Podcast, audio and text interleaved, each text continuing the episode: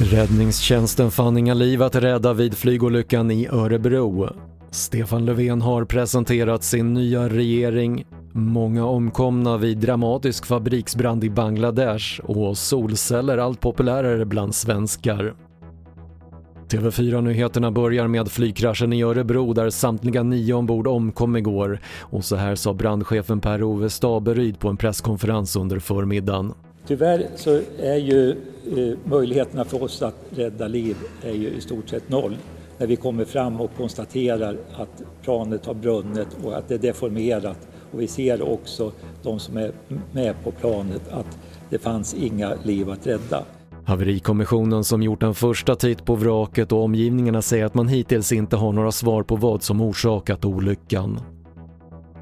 När statsminister Stefan Löfven presenterade sin nya regering idag fanns inga nya ministrar med på listan men Ibrahim Baylan kommer att ta över landsbygdsministerns frågor. Det formella regeringsskiftet sker kvart över två i eftermiddag vid en särskild konselj på Kungliga slottet i Stockholm där kungen, kronprinsessan, talmannen och den nya regeringen närvarar. Så utrikes, minst 49 människor har omkommit i en dramatisk brand i Bangladesh. Ett 30-tal ska ha skadats vid branden i sexvåningsfabriken som bröt ut under natten svensk tid och som fortfarande pågick under morgonen. Enligt polisen är det oklart om människor är kvar i fabriken eller hur många som saknas. Och solceller blir allt populärare bland svenskarna.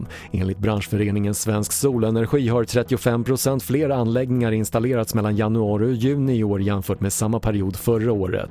Mest har det ökat bland villaägare där en förklaring är att man efter årsskiftet har rätt till skatteavdrag vid installation av grön teknik. Det var det senaste från TV4 Nyheterna. Jag heter Patrik Lindström.